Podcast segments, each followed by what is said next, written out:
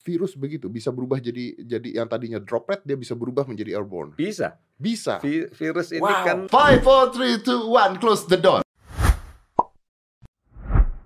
Berapa seriusnya saat ini corona di Indonesia? Karena di berita-berita banyak yang hoax, banyak yang melebih-lebihkan, tapi banyak juga yang tidak sampai ke masyarakat. Iya. Kita tahu SARS di 2002. Ya, betul. Ini juga uh, varian dari corona. Kita pada waktu itu tidak tahu betul kondisinya seperti apa dan masyarakat pun juga tidak sebesar ini tahunya karena kita tahu di 2002 mungkin uh, akun media sosial juga masih belum ada sarana masyarakat kemudian untuk bisa membagi, menerima informasi juga sebelum seperti sekarang ini. Ya. Kemudian MERS di 2011 ini penyakitnya meskipun corona juga angka kematian cukup tinggi, tapi uh, transmisi human to human-nya lebih sulit. Penyebarannya lebih sulit.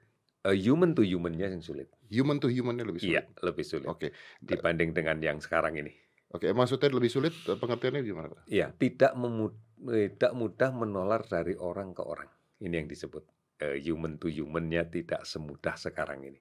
Kita tahu bahwa corona itu sebenarnya habitat aslinya kan ada di binatang. Ya. Ini adalah penyakit yang atau virus yang secara uh, alami sebenarnya dia berada di binatang, mengalami mutasi dan kemudian bisa memiliki reseptor di manusia, dan kemudian dari manusia ternyata bisa menular ke manusia yang lain. Ya. Nah, untuk MERS seperti itu, uh, tetapi begitu masuk penularan dari manusia satu ke manusia yang lain tidak semasif, tidak semudah uh, yang sekarang ini. Oke, artinya artinya uh, COVID-19 atau uh, coronavirus disease 2019 hmm. ini penularannya jauh lebih cepat dibandingkan MERS atau SARS bisa ditangkap seperti itu Pak ya. Oke. Betul, jauh lebih masif. Jauh lebih masif. Oke, saya ya. pernah baca Pak, saya pernah baca kemarin juga saya baca kalau hmm. sekarang kita baca di Wikipedia atau di Google hmm. sampai detik ini masih ada kata-kata is a plausible airborne. Hmm. Artinya uh, bisa saja ini airborne tapi belum tahu gitu. Iya, iya. Betul tidak Pak itu? Iya. Kalau kita lihat sekarang dengan ukuran virusnya yang cukup besar, kemudian kita lihat pola mutasinya, ada kemungkinan untuk berubah menjadi airborne disease. Ada kemungkinan, ada kemungkinan untuk berubah, untuk berubah menjadi, menjadi airborne disease. Apakah, sorry saya potong, ya. apakah uh, virus begitu bisa berubah jadi jadi yang tadinya droplet dia bisa berubah menjadi airborne? Bisa. Bisa. Vi virus ini wow. kan makhluk yang paling tidak stabil. Wow. Paling tidak stabil. Sehingga ada kemungkinan seperti itu. Meskipun eh, kita yakini yang sekarang ini terjadi pada yang second wave sekarang, ini kan first wave-nya kita tahu bahwa itu terjadi di mainland China dengan epicentrumnya di Wuhan. Hmm. Yang kemudian tidak berhasil ditahan dengan maksimal dengan 100%, tetapi bisa dibatasi di uh, mainlandnya. Ya. Sehingga kemudian bisa dikendalikan. Setelah itu begitu dia mulai tapering off, ternyata apa yang terjadi di luar mainland, kita lihat Korea, kita lihat Iran, kita lihat Italia, justru di luar mainlandnya naik dengan cepat. Ini pun sudah mengalami perubahan karakter dari virus ini sendiri. Di first wave kita klasik sekali gambarannya, inkubasi 14 hari, kemudian eh, angka diawali dengan gejala demam tinggi, kemudian ditanda-tandai ditandai lagi dengan kesulitan nafas dan seterusnya. Tapi di second wave tidak seperti itu. Kita tahu dari proses yang terjadi di transmisi di Diamond Prince, kemudian sebagian penumpang dan eh, ABK dijemput oleh Amerika yang warga negara Amerika, pada hari ke-14 setelah kemudian dikatakan bahwa inkubasinya udah lewat nih. Ternyata sampai di negaranya sana pada hari ke-21 positif. Artinya kemudian kita lihat tidak lagi bisa kita pikirkan bahwa ini inkubasinya 14 hari. Sehingga kemudian sepakat WHO mengatakan, oke okay, kita pasang di dua kali 14 hari. Itu yang pertama. Kemudian yang kedua, banyak sekali kasus yang kita temukan dengan gejala yang ringan banget. Tidak seperti yang klasik awal. Bahkan dilaporkan ada yang asimptomatis. Ya. Ini artinya sudah tidak lagi efektif untuk melakukan deteksi dini di pintu masuk negara mana pun yang kemudian hanya mengandalkan uh, thermal scan. Artinya banyak sekali kasus dengan suhu yang tidak terlalu tinggi tanpa keluhan. Ataupun kalau muncul keluhannya minimal. Dan biasanya dengan cara seperti itu orang akan bisa berinisiatif untuk beli obat sendirilah di warung gitu ya, di toko. Dan kemudian dengan pengaruh obat itu eh, gejala itu makin hilang. Oke, oke, baik. Kalau ini dikatakan plausible to be airborne Iya. atau ini bisa airborne Mhm. dan kita tahu bahwa sampai detik ini pun kayaknya WHO sendiri gini nggak usah eh, Kementerian Kesehatan Indonesia WHO sendiri bingung itu kan intinya Pak WHO sendiri bingung Iya, kalau ini possible to be Iya. airborne artinya cuci tangan ke eh, pakai masker tidak nolong lagi kalau ini airborne iya tidak menjadi efektif. tidak menjadi efektif Iya, betul. kalau ini airborne Betul, dan betul, ada kemungkinan ini airborne betul. wow Tetapi kalau kita lihat dengan sekarang saja dengan Belum. adalah perubahan perilaku yang menjadi lebih masif dengan gejala yang minimal, satu sisi kita tidak bisa mengendalikan lagi sebaran dengan mudah, tapi kok ya bersyukur juga pada sisi yang lain klinisnya kok menjadi lebih ringan. klinisnya menjadi ringan Lebih Jadi ringan. bisa aja ini airborne, tapi Betul. klinisnya menjadi ringan. ringan. Wow. toh. Nah, ini yang kemudian seperti yang kita alami di SARS dulu, lama-lama berubah menjadi seasonal flu. Seasonal flu betul. Akhirnya jadi flu biasa. Iya, seperti itu. flu biasa. Oke. Seperti H1N1 misalnya, Ya. di tahun 2009 kita lihat begitu menakutkan. Sekarang hampir semua flu kalau kita periksa di Indonesia itu H1N1. Ya, oh wow, oh iya. Jadi jadi seasonal flu. Jadi seasonal Jadi flu. seasonal flu. Oke. Tapi seasonal flu juga bisa mematikan kan, Pak? Ya, tentunya kalau kemudian didasari dengan penyakit komorbid yang kuat, bisa-bisa saja. Bisa-bisa saja. Bisa-bisa saja. Oke, saya dengar juga bahwa eh, si virus ini mutasi menjadi tipe S dan tipe L. Mm-mm. Tipe L lebih mematikan katanya Mm. dibandingkan tipe S. Mm-mm. Jadi ini bisa saja bahwa ini virus bermutasi terus, Pak. Pasti. Karena karakter virus yang khas adalah tidak stabil pada struktur DNA-nya, mudah sekali dia berubah. Dipengaruhi oleh faktor cuaca, difaktori oleh faktor eh, iklim dan sebagainya. Juga bagaimana interaksi genetik dengan inangnya. Hmm. Jadi bisa saja menjadi berubah. Sehingga kemudian kalau kita lihat sebaran sebaran yang ada dari Wuhan itu kan variasinya macam-macam. Ada yang warnanya kemudian ditandai dengan warna orange, warna ungu, warna hijau, warna biru yang kemudian menggambarkan bahwa ini lebih eh, berat dibanding yang satunya dan seterusnya. Ini Oke. sangat memungkinkan itu. Ini sangat memungkinkan Sangat untuk menjadi memungkinkan. seperti itu. Nah, Iya. eh kita tahu bahwa virus ini datangnya dari Wuhan dan dan sudah eh, bulan berapa itu ya? Eh, Sekitar Desember lah gitu ya, baru diidentifikasi di, minggu-minggu pertama Desember mungkin ya, teridentifikasi. Iya. Dan kita tahu juga pada saat itu ditutupi sebenarnya. Maksudnya Mm-mm. tidak untuk dikasih tahu banyak masyarakat. Saya rasa untuk supaya nggak panik. That's Iya, i- idenya iya, supaya iya. tidak panik. Tapi kan eh, akhirnya banyak orang yang ngomong eh, stop lying to people, stop lying to people. Berhentilah berbohong ke Iya, masyarakat iya, kita. iya, iya. Dan eh, virus ini Hmm. menurut Anda sendiri berbahaya tidak sekarang saat Iya. ini? Kan eh, Bapak mengatakan bahwa ini mutasi menjadi lebih ringan. Iya. Oke. Tetap berbahaya. Tetap berbahaya tetap ya. berbahaya. Tetap berbahaya. Kita lihat dari data yang kita miliki adalah pada generasi yang sekian panjang ya dari awal eh, diidentifikasi pertama di awal Desember yang kita waktu itu sepakat nyebut novel coronavirus kan Mm-mm. waktu itu. Eh, angka kematian masih ada. Kemudian angka kesakitan juga masih ada. Artinya masalah ini kan bukan kemudian kita anggap sebagai sesuatu yang sepele, bukan suatu yang gampang. Karena kita lihat pada kelompok rentan data kita saja bahwa kasus kematian yang ada ini kan memang awalnya ada ada komorbidnya, ada penyakit pendahulunya. Artinya artinya yang, yang meninggal itu kan ada penyakit awalnya Betul, dulu. betul. Jadi eh, kasus yang terakhir kita miliki ini kan ada memang eh, dia adalah penderita diabetes yang sudah lama, sudah bertahun-tahun. Kemudian eh, ada hipertensinya, kemudian ada COPD, chronic obstruction eh, pulmonary disease. Hmm. Dan kemudian juga terakhir ini ada hipertiroidnya. Ada Artinya hyperter- kondisi ya, artinya betul. kondisinya memang tidak stabil dari awal Iya, dan terkena virus ini. kena virus ini. Nah, virus inilah yang kemudian akan memicu menurunnya eh, imunitas seseorang. Hmm. Cepat sekali turunnya. Tentunya ini akan didominasi oleh penyakit-penyakit existing yang sebelumnya. Sehingga pada saat terakhir kita yakini meninggalnya karena sepsis bakterial. Artinya ini hampir sama seperti HIV dan sebagainya. Iya, kalau HIV itu tidak ada penyakit yang lain yang murni hanya pada pada daya tahan tubuhnya saja yang turun, kemudian infeksi oportunistik kan. Eh, bakteri yang senormal ada muncul. Nah, kalau ini kan diabetesnya menjadi tidak terkontrol, kemudian tensinya juga jadi nggak terkontrol, ini yang kemudian menjadi sulit. Oke. Bapak tadi mengatakan bahwa uh, this is a second wave atau Hmm. wave kedua. Artinya bisa saja akan terjadi wave-wave selanjutnya, Pak. Iya, kita sekarang coba mengidentifikasi apakah third wave akan muncul. Wow. Third wave akan muncul. Pada waktu itu beberapa saat kita melihat bahwa third wave itu akan ditandai dengan lonjakan yang luar biasa. Apakah kejadian yang cepat menjadi banyak di Italia itu adalah third wave? Apakah yang di Iran itu adalah juga third wave? Belum Apakah- tahu artinya, Pak. Iya, artinya kita melihat bahwa ada perubahan pada pola distribusi sebarannya. Tetapi sampai saat ini kita bersama-sama para ahli masih belum mengidentifikasi bahwa itu sebagai third wave.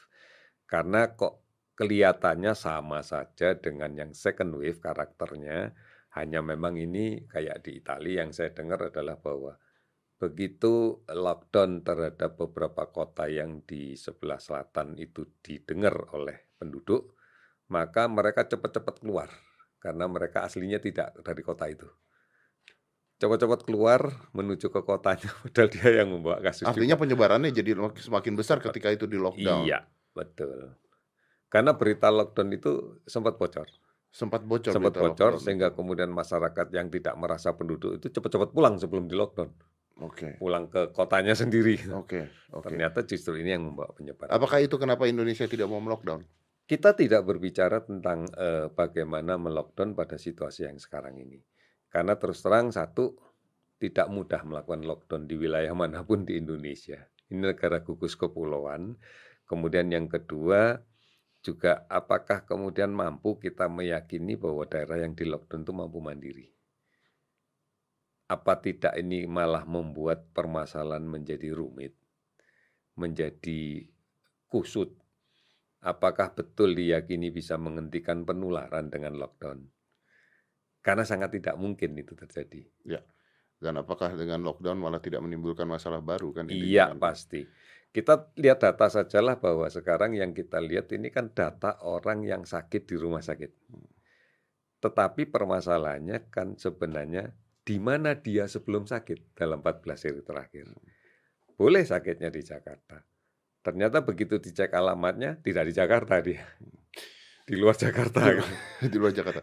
Eh, eh, eh, Itu artinya bahwa data yang kita punya, saya per, tadi saya lihat udah 130 134. 34 orang yang Iya. terdeteksi eh, terkena virus corona. Tapi itu juga artinya bahwa itu yang berhasil kita deteksi kan. Betul, betul. Artinya bisa saja di pelosok mana ada orang terkena coronavirus dan dia menganggap itu flu. Pasti. Pasti. Artinya Pak, jumlahnya kita tidak pernah tahu berapa Betul, sebenarnya. betul. Jadi kan eh, kalau kita menghitung statistik aja dengan cara pemodelan, satu orang itu memiliki kemungkinan untuk bisa menularkan ke 4,7 orang. Gimana? Satu orang sakit, Satu orang sakit, satu positif ini, Iya. memiliki kemungkinan dia bisa menularkan ke sebanyak kurang lebih 4,7 orang lah dalam sehari. oh, dalam Satu. sehari. Iya. Kalau kita lihat karakteristik kita, mungkin kita lah eh, dalam kehidupan sehari-hari kita, kalau sehari betul-betul kita pikirkan, berapa sih orang yang kontak dekat sama saya dalam sehari? Rata-rata sekitar 4,7 lah 4,7 iya, orang iya, dalam sehari. Kalau kemudian orang yang sebagian dari 4,7 ini kemudian terinfeksi, dia akan ketemu dengan 4,7 yang lain. Iya. Dan seterusnya. Berarti ini pertambahannya bukan tambah tapi pangkat ya, ya? Betul. Jadi bukan deret hitung. Saya malah melihat bukan deret ukur, eksponensial naik. Dan itu gambaran karakteristik di mana-mana seperti itu. Oke. Dengan Dan cepat.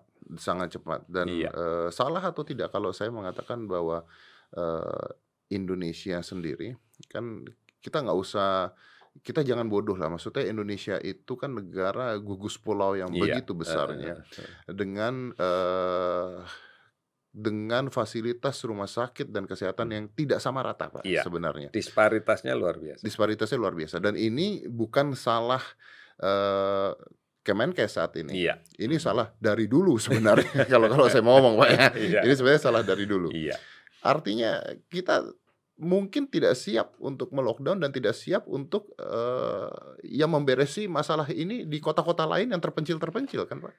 Bukan sebuah pilihan yang terbaik.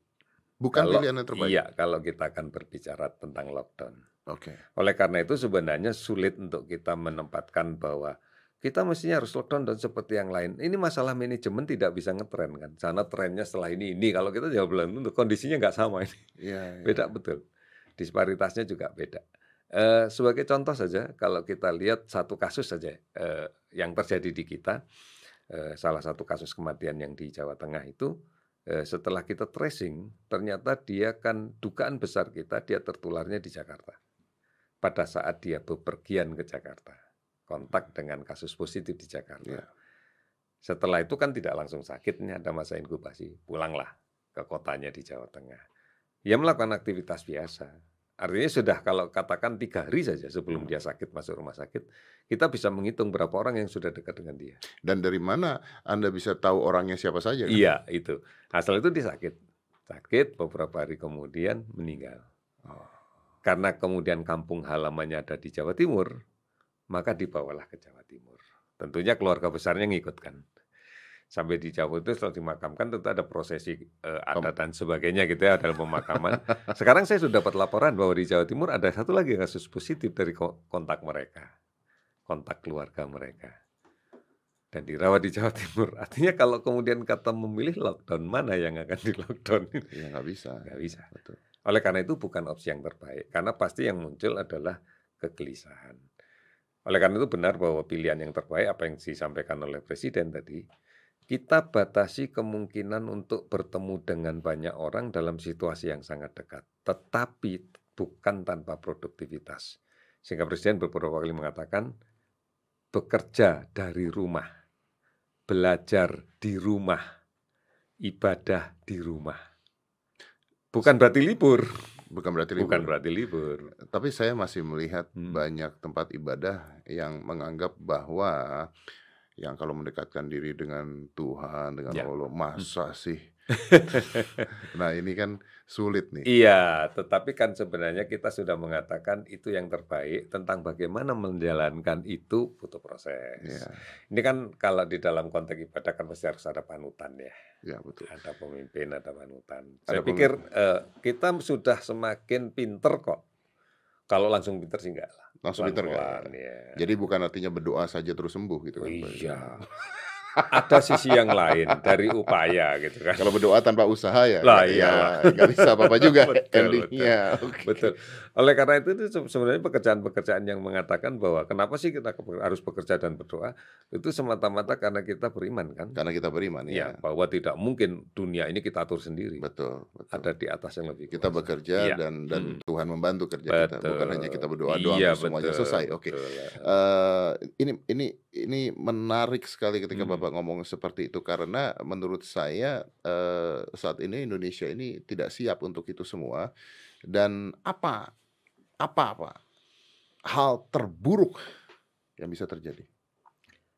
Kalau kemudian pengendalian ini tidak bisa kita jalankan dengan baik, maka akan ada penularan yang sangat masif di masyarakat. Kita tidak berbicara sebuah angka kematian ya. Kita berbicara angka kesakitan saja. Kita akan tidak memiliki kapasitas yang cukup untuk bisa merespon. Artinya akan banyak orang sakit yang tidak bisa dirawat dengan baik. Nah, ini yang kemudian yang dimuncul berikutnya adalah bukan bagaimana, bagaimana efek sakitnya, tapi efek sosial yang muncul. Sehingga kemudian kalau akan terjadi kegelisahan secara massal itu kegelisahannya diwarnai dengan kegelisahan sosial. Oke, artinya Anda mengatakan bahwa eh, worst come to worst yang ditakutkan adalah bisa aja terjadi kerusuhan. Iya, itu. Jadi bukan karena kemudian penyakitnya. Hal sentuhan kecil saja yang terjadi pada waktu pertama kali diumumkan satu kasus. Wah, panik buying, panik buying. panik buying yang bisa buying kan? Yang bisa buying, yang ya. tidak bisa bisa jadi penjarahan. Nah, itu dia. Ini kan kemudian sesuatu episode pendek yang kemudian bisa dikendalikan dengan cepat. Kalau kemudian ini tidak dikendalikan dengan cepat, pasti akan muncul masalah.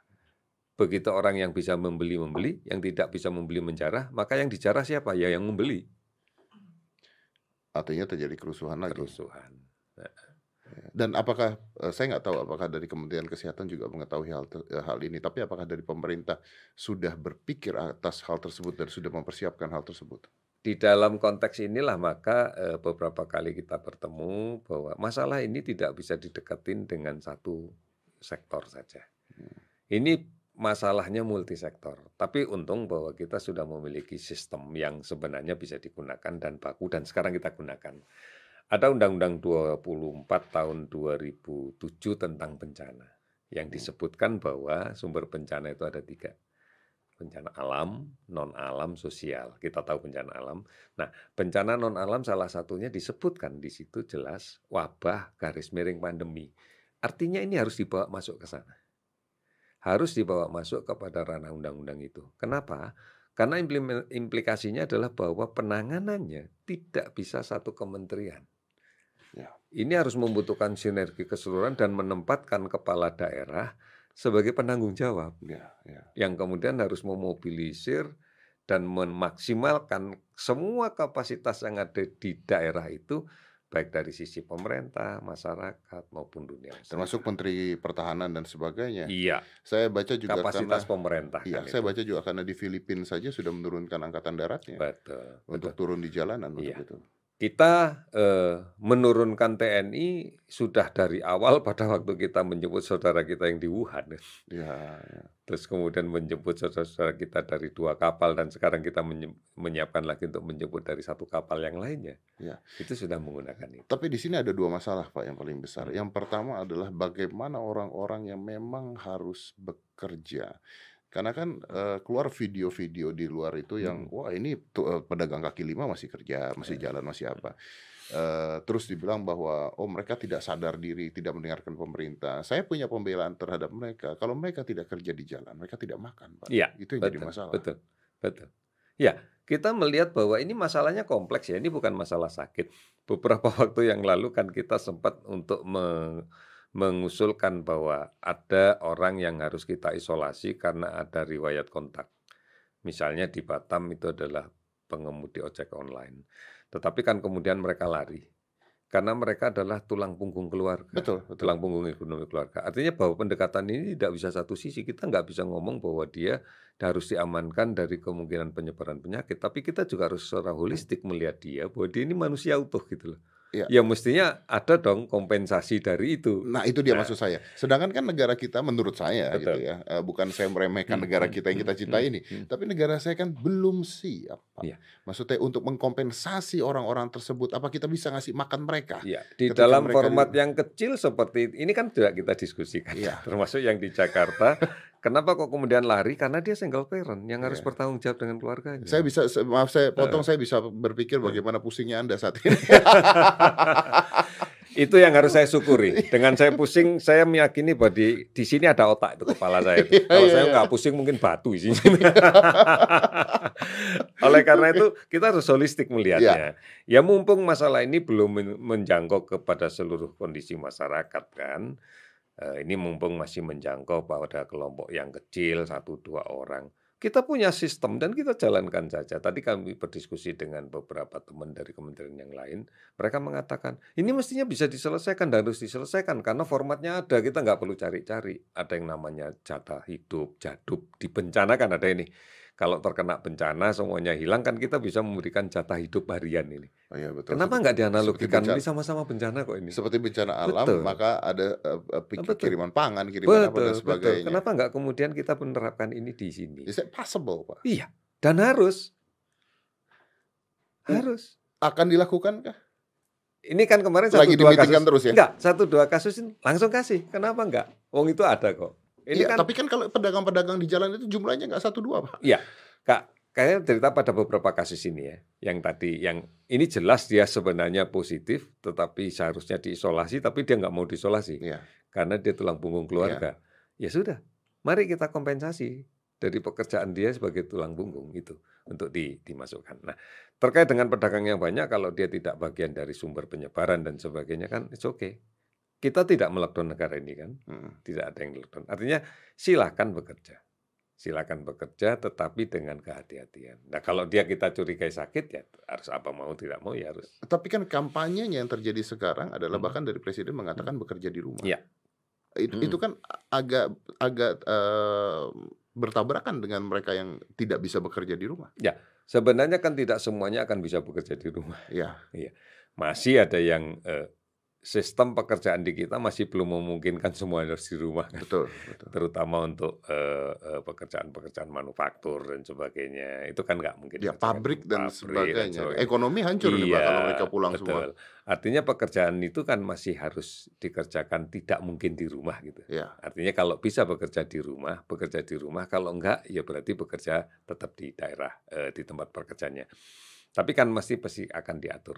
Kita tidak akan melakukan lockdown. Ini bedanya dengan lockdown, di mana lockdown ini semuanya berhenti.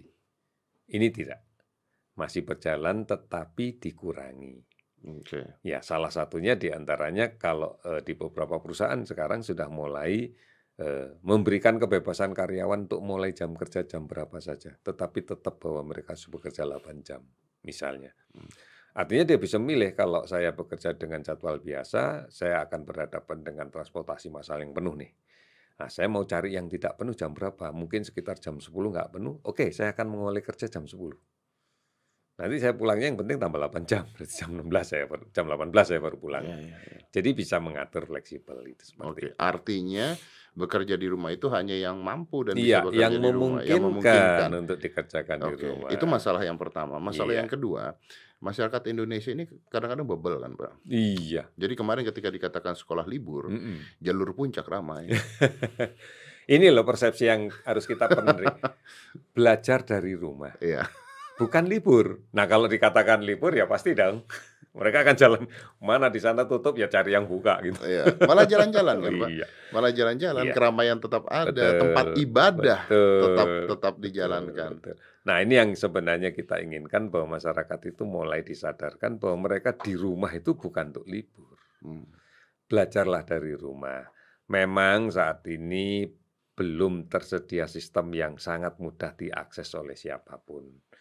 Ya nantinya harus berubah ini. Tadi beberapa kali Presiden juga mengatakan, ya kalau kita suruh belajar di rumah tetapi tidak dilengkapi dengan sebuah sistem yang baik, ya gimana belajarnya Nggak gitu. bisa, betul. Apa baca buku terus gitu loh. Ya. Apakah kemudian melalui media apa, ruang guru dan sebagainya, artinya dibuka akses sebanyak-banyaknya kan untuk Hmm. mereka. Kena- Kenapa kenapa eh, saat ini kita tidak bekerja sama misalnya dengan MUI atau dengan eh, NU untuk mengatakan bahwa untuk sementara kegiatan ibadah eh, ditiadakan dahulu. Ya, Mungkin saya tidak. saya beberapa kali bertemu dengan MUI. Kita mulai mengkaji sebenarnya satu hal yang penting yang mulai kita pikir dari sekarang. Kita diskusi mulai dari sekarang dan kemudian merancang keputusan dari sekarang. Sebentar lagi kita berhadapan dengan Ramadan kan. Nah itu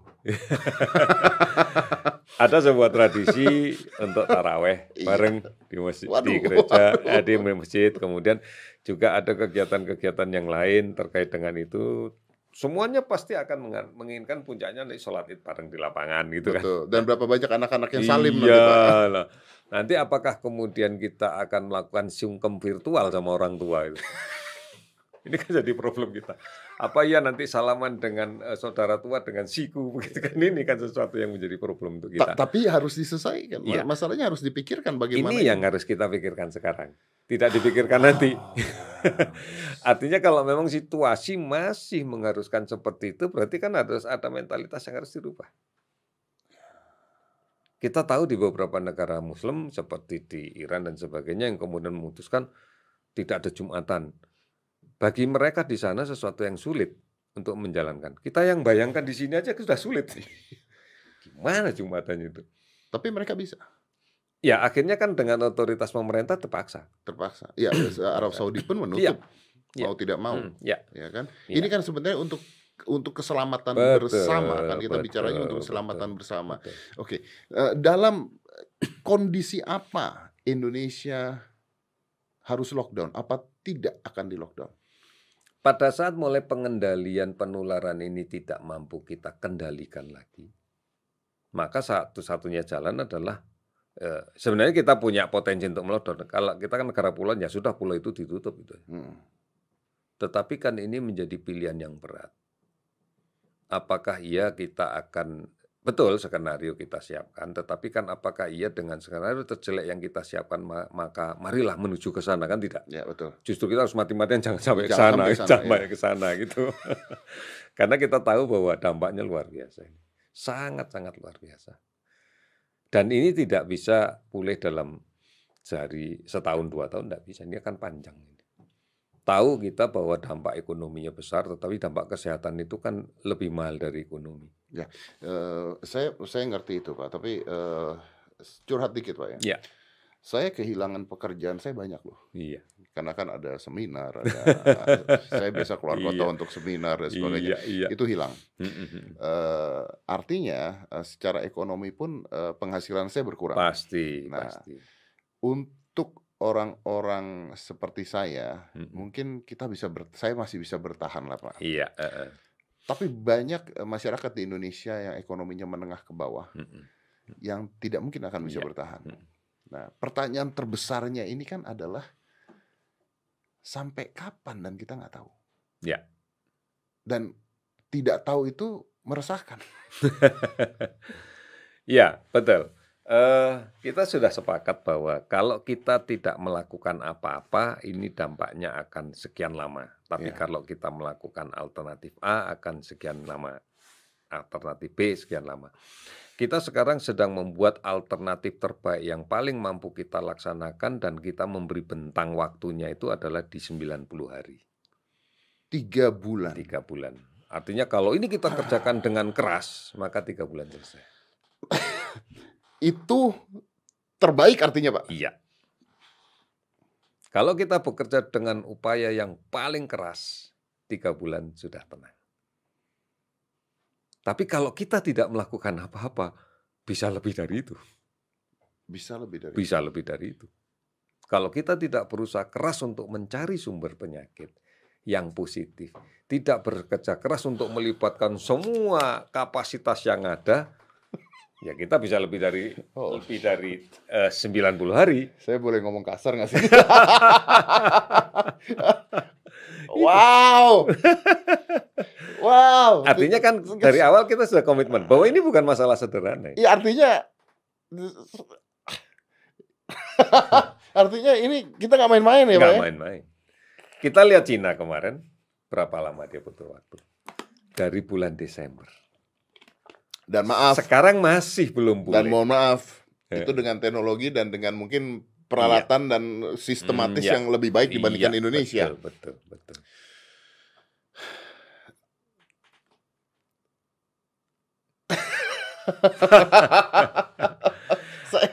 artinya tidak tidak ada ruang bagi kita untuk kemudian hanya diam.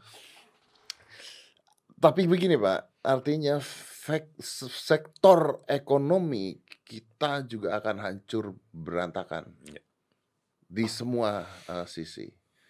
Karena kita aja tahu sekarang bahwa industri dan sebagainya barang import dari Cina ya. itu uh, udah uh, mati. Eh, ini uh, uh, ada minum nggak bapak ada ya? Uh, udah mati. Belum lagi sektor industri kita yang pasti akan hancur berantakan. Tiga bulan untuk menghidupkan orang-orang banyak, apalagi kalau di lockdown, ini kiamat kecil, Pak. Cucunya kiamat. Kita tidak menempatkan di lockdown sebagai pilihan. Okay. Tetapi Uh, kita ya, yakin betul ya pada waktu dulu awal krisis ekonomi semua pakar ekonomi mengatakan Indonesia akan tinggal nama. Bahkan dari uh, Barclay pun mengatakan ah ini habis nih Indonesia. Ternyata enggak. Ya, orang kita kan kuat-kuat pak. Ya, ternyata bahwa fundamen kita itu bukan fundamen yang gantungannya besar. Hmm. Fundamen kita adalah masyarakat kecil yang kemudian mampu survive karena memang mereka bergerak dalam ekonomi kecil yang berputar di antara mereka. Yang tonggangan yang gede-gede aja. Ya, ya. Yang kecil-kecil enggak. Ini terbukti. Masyarakat itu masyarakat yang memiliki kelenturan luar biasa. Oke. Baik, saya, tapi gimana caranya kalau misalnya dalam waktu tiga bulan dan uh, pekerjaan orang sudah mulai uh, hilang dan iya. sebagainya, apakah kebutuhan primer kita masih akan ada. Ya. Karena uh, sekarang sudah terjadi panic buying. Saya ke supermarket tadi. Iya, sudah mulai banyak. Sudah mulai banyak dan kita nggak bisa nyalahin mereka untuk stok iya, akhirnya. betul, betul, betul. Nah, sebenarnya yang saya katakan bahwa kita harus melakukan sesuatu yang terbaik itu bukan berbicara tentang sesuatu terkait dengan penyakitnya sesuatu terkait dengan logistiknya, sesuatu yang terkait itu semuanya. Are we ready? Iya. sekarang ini yang terjadi adalah begitu kemudian kita melarang ekspor untuk eh, APD, masker ada.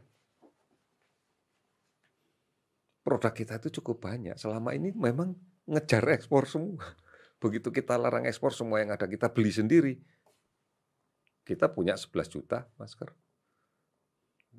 Kita punya APD cukup banyak. Jadi selama ini memang ya kita punya tapi dieksporin semua, dieksporin jual. Saya nggak tahu apakah lebih mahal kalau diekspor dibanding beli sendiri kali. Ya, ya, ya. Artinya ini yang harus kita rubah sekarang. Harus Dan, kita rubah. Ya itu dia ketika Anda tadi mengatakan bahwa ini bukan hanya tugas Kementerian betul, Kesehatan. Betul. Inilah kenapa kemudian ada eh, gugus tugas yang kemudian ditetapkan oleh Presiden di mana menempatkan Kepala BNPB sebagai institusi merupakan mandat dari Undang-Undang 24 2007 bahwa ini bencana, maka Kepala BNPB dan di dalam kebencanaan maka semua kementerian, lembaga, pemerintah, eh, swasta, militer jadi satu. So this is complex. Jadi satu untuk kemudian merespon ini dengan sebaik-baiknya. Dan kita membuat skenario, ini yang harus kita kerjakan. Kalau ini kita kerjakan dengan baik, insya Allah tiga bulan selesai. Dalam artian selesai ancamannya, tinggal memulihkan. Jadi kalau ibarat pertempuran musuhnya sudah habis nih, tinggal memulihkan lagi pasca bencana tanggap daruratnya. Tetapi kalau kemudian kita tidak bersungguh-sungguh, ini bisa panjang nih. Pada semua aspek. Di antaranya apa sih yang akan kemudian kita butuhkan di dalam respon ini? Gak boleh diekspor karena produksi ada. Larang ekspor. Masker nggak boleh diekspor semua. Begitu itu semua muncul, banyak banget stok kita. Selama ini kan karena kita jual. Karena kita ekspor. Ini kita tahan. Apalagi di dalam pandemi ini semua negara sekarang sedang mengumpulkan eh, cadangan. Begitu di state pandemi, maka semua negara akan berpikir untuk kebutuhannya sendiri sudah nggak mikir lagi ekspor-eksporan, semuanya ditahan. Ini yang terjadi, sehingga kalau ada apa-apa, eh, ya masing-masing akan berdiri dengan dirinya sendiri, karena semuanya akan sibuk dengan dirinya sendiri. Ini isyarat dari pandemi, bahwa sekarang silahkan masing-masing negara pasang eh, eh, baju pelampungnya masing-masing. Ya. Saya tuh berpikir ya dari awal ketika Indonesia kena gitu ya. Saya berpikir gini, saya ya mungkin ini pikiran bodoh aja Pak ya. Saya berpikir bahwa this is ini kayak sebuah seleksi alam yang terjadi. Karena mungkin manusia itu sudah terlalu berbuat buruk pada bumi gitu. Iya, ada sisi siapa pun pasti akan berbicara seperti yeah. itu iya. pada saat sudah mulai terpepet karena kan kita memiliki keimanan ya. Yeah. Seberapapun kadarnya, yeah. seberapa karat pun itu kan masih iya, ada gitu yeah, ya. Yeah. Apakah hanya berkarat atau hanya 20 apakah 24 karat itu. Yeah. Pasti pada suatu saat uh, basic insting kita berpikir seperti itu. Yeah, yeah. Tapi Pak uh, rumah sakit kita itu siap nggak sebenarnya? Kita melihat permasalahan sekarang kalau kita lihat sebagian besar kasus ya seperti yang kita rawat ini. Saya beberapa kali ke rumah sakit melihat Sebagian besar dari mereka tidak membutuhkan hal ya, peralatan-peralatan penunjang yang sophisticated seperti yang kita bayangkan ya. Beberapa kasus termasuk kasus yang nomor satu, nomor dua, nomor tiga yang sudah sembuh dan boleh pulang tadi. Hmm. Sepanjang di rumah sakit dia hanya eh, dua hari awal saja membutuhkan infus. Membutuhkan infus. Kemudian hanya sehari dia butuh oksigen. Tapi banyak orang yang mengatakan Selebihnya ketika enggak. mereka mencoba untuk menghubungi uh, kontak lain dari uh, coronavirus ini sibuk, tidak diangkat dan sebagainya. Saya ngerti karena pasti eh. banyak banget yang nelpon dan iya. ketakutan gitu. Artinya kan kita sendiri sebenarnya Saya tadi mau mencela tapi tidak jadi mencela karena saya yakin bahwa bahwa memang kita tidak pernah siap untuk untuk ini kan sebenarnya kan Pak. Tidak ada satupun negara yang siap untuk bencana. Iya, artinya memang kita tidak pernah siap iya. untuk untuk adanya ini. Dengan rumah sakit pun rumah sakit yang iya. ada di daerah pun saya rasa tidak siap. Alat-alat pengetes gini, iya. alat pengetesan untuk coronavirus apakah ada di semua rumah sakit? Tidak mungkin kan? Iya, iya. Ini barang import ini. Artinya terbatas kan iya. intinya. Dan yang membuat pun juga me membatasi kan. Yang membuat pun membatasi. Dia kan butuh juga gitu. Dia pun juga butuh kan. Oh. Kalau sudah pandemi seperti ini, ya sekarang siapa pun yang membutuhkan masker kita, oh, tunggu dulu, saya tahan, nanti juga butuh kok. Gitu. Ya artinya, artinya saat ini uh, dari Kementerian Kesehatan dan dari pemerintah mencari alternatif betul, lain, betul. untuk kita menanggulangi ini, betul. Karena kita tahu bahwa kita memang tidak siap iya, sebenarnya. Ya, tidak siap. Tidak satu pun negara yang siap, Amerika bawa ulur kan. Amerika yang demikian hebat bawa belur juga. Korea yang seperti itu bawa belur juga. Itali sama juga. Bagi kita yang paling penting sekarang adalah bahwa di dalam kaitan dengan kebencanaan adalah bukan berbicara pada siap atau tidak siap, tapi bagaimana secara cepat masyarakat bisa beradaptasi dengan situasi yang memang tidak diharapkan kelenturan kemampuan beradaptasi dengan cepat ini yang paling penting. Kalau kita lihat di Jepang dilakukan bencana, kepanikan dia itu masih hitung-hitungannya masih di bawah eh, 72 jam. Setelah itu mereka dalam waktu cepat bisa terstruktur kembali. Terstruktur di dalam artian bahwa mereka kembali lagi mengingat bahwa ini perlu suatu safe community. Sehingga kalau kita perhatikan beberapa kejadian di Jepang, gempa Kobe dan sebagainya, setelah 72 itu orang akan mendapatkan bantuan sudah bisa berbaris antri cakep itu. Tapi bukannya di sini kalah main bola aja jarah, Pak. ya apa pun yang terjadi saya cinta bangsa inilah gitu. Dengan segala keunikannya. Oke. Okay. Uh, eh, pesan Anda untuk masyarakat kita yang habis mendengarkan ini mudah-mudahan juga ya, sebenarnya intinya adalah menjaga Pancasila Pak ini Pak. Iya. Kesatuan negara kita mm supaya negara kita tetap utuh kan iya, intinya iya, itu kan Pak ya. Ada keinginan kuat bahwa kita ingin maju kan. Keinginan kuat bahwa kita ingin, ingin maju. Tidak mungkin maju tanpa SDM yang unggul. Ya, betul sekali. Enggak ya, mungkin. Tidak bisa pasti. Dan tidak mungkin ada SDM yang unggul kalau dia tidak sehat. Ya. Itulah makanya negara sudah sangat-sangat secara mendasar menempatkan perahunya Nabi Nuh ini. Kalau ya. mau selamat naiklah ke perahu itu. Ya, ya. Yang disebut Germas. Gerakan Masyarakat Hidup Sehat. Bahkan sudah tegas tidak ada lagi kementerian lembaga yang tidak akan masuk di dalam Germas karena impresnya ada. Impresnya ada. Ada. Hmm. Impres itu kan perintahnya presiden lah. Ya, ya, Semua betul. kementerian lembaga harus masuk di situ. Hmm. Karena hanya ini perahu Nabi Nuh. Yang nggak naik ini ya nggak selamat. Ya, ya nggak selamat. Zaman dulu kan nggak selamat. Kalau mau selamat ya naik ini gitu. Nah sekarang kita harus naik ini. Untuk menuju ke mana? SDM unggul. Supaya Indonesia maju. Tidak ada pilihan lain. Nggak ada kalau saya nggak naik ini naik skoci aja deh. Nggak bisa, nggak bisa. Tetap harus naik ini. Sama dengan ini, pada saat menghadapi COVID, kita di perahu itu mari pegangan tiang perahu yang namanya PHBS. Itu yang menyelamatkan kita. Di tengah masyarakat yang ya kalau nggak mau pegangan ya sudah lepas. Tidak mau PHBS ya silakan sakit aja. Terserah apakah itu bagian dari seleksi alam ya berarti dia menyeleksi sendiri gitu. supaya nggak bisa ikut dalam rombongan perahu ini. Ya, ya, ya, ya. Ini yang kita harus sampaikan. Dan apakah anda yakin Pak bahwa Indonesia bisa melewati ini? Tidak ada perasaan tidak yakin untuk bangsa saya. Yakin. Yakin. Saya hanya punya satu pilihan optimis. Optimis. Optimis cepat atau optimis lambat. Tapi saya nggak punya pesimis. Tapi tidak ada pesimis. Tidak ada pesimis. Kita sudah memilih optimis cepat. Mari kita konsekuen. Pegang itu. Kalau enggak ya berarti lambat nanti. Dan ini semua tergantung dari masyarakat. Masyarakat. Penyakit menular basisnya adalah community. Basisnya adalah komunitas. Mari bangun safe community. Masyarakat yang menyadari betul apa ancamannya. Masyarakat yang menyadari betul apa kekuatan dia. Masyarakat yang menyadari betul apa peluangnya. Apa tantangannya. Itu saja kuncinya. Dan ini dari zaman dulu sudah ada. Masyarakat kita dari zaman dulu sudah ada dimodernkan dengan dibentuk dalam kelompok kecil dasawisma misalnya. Sepuluh rumah yang saling peduli. Hmm. Agak gede sekian dasarnya dari RT, yeah. dari RW dan seterusnya dan seterusnya.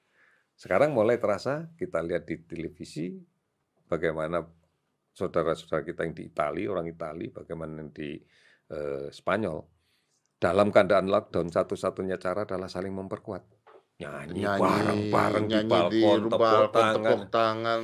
Tidak iya. pernah muncul pada saat mereka dalam keadaan nama-nama iya. aja. Ya, saya saya juga pernah berpikir bahwa this is uh, sebenarnya kalau kita mau berpikir positif Pak ya. Hmm. Kita pikir kan segala sesuatu yang negatif itu bisa ada sisi positifnya iya, Pak ya. Iya, betul. Kita bisa melihat begini. Ini ini teori saya Pak ya. Hmm. Benarkan kalau saya hmm. salah. Amerika pada saat itu sedang ribut sama Cina tentang perang dagang, Iran sedang berantem dengan Amerika, Korea Selatan dan Korea Utara, Indonesia dengan isu radikalisme dan sebagainya, dan tiba-tiba dunia dikasih common enemy, musuh yang sama. Yeah. Mungkin kalau tidak jadi kacau, bisa jadi bersatu. Intinya itu kan. Ini kan aliens kan Pak. Ini makhluk asing kan yang akhirnya menjadi musuh bersama manusia untuk melawan ini sebenarnya. Dan mudah-mudahan sih itu yang terjadi menurut saya. Artinya ada yang lebih besar dari itu. Tuhan. Ya. Kita diingatkan. Ya. Anda mau nurut, selamat. Ya. Nggak nurut, punah. ya itu dia. Tidak ada ruang untuk mengatakan bahwa saya paling hebat. Iya. Tidak ya. ada. Benar. Kita cuma sederhana soal perintahnya. Di yang saya yakini. Hei manusia, kamu jadilah pemimpin di muka bumi. Bawalah kemaslahatan dari apa yang kamu pimpin di muka bumi. Pada saat kita ngeleweng, sentel sama Tuhan. Tung. Iya. Ayo benerin.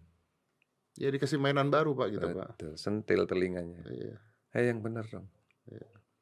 Itu sama dengan tadi saya mengatakan bahwa mungkin alam semesta udah capek sama kita gitu kan. Ini gua kasih mainan baru. Nah, nah beresin dah sono gitu kan. Tapi optimis kita bisa melakukan Tapi kita optimis ini. bisa melakukan ini, Pak ya. Yang penting jangan merasa sendiri.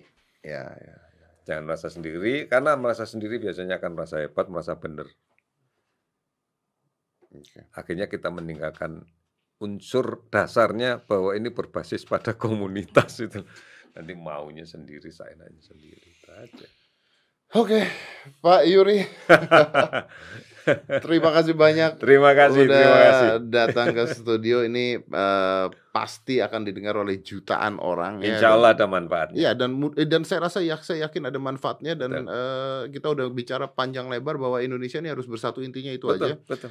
Karena nanti pada akhirnya bukan virus yang mematikan kita, tapi iya. malah perang saudara yang mematikan iya. kita. Ini yang harus kita hindari. Kita dapat cobaan kok. Ya ini bukan azab, ini cobaan. Kalau kita yakin bisa menangani dengan baik, kita akan jadi lebih baik. Sama dengan anak kelas 6 SD dapat cobaan. Kalau dia bisa mengatasi dengan baik, lulus dia naik SMP. Ya. Kita mau naik kelas, Pak. Ya. ya. Intinya itu ya. aja. Dicoba. Jangan Satu frustrasi. Dunia. Lah kalau frustrasi nggak akan naik kelas lah. Satu dunia dicoba ini kali ini, Pak. Ya. Iya, nggak apa-apa. Supaya lebih baik. Iya, jadi bareng-bareng ya, Pak ya supaya lebih supaya baik. lebih baik bareng-bareng lah kita ya Pak. Ya. Pak Yuri terima kasih banyak Sama-sama. Let's close terima kasih this. Five, four, three, two, one, close the door.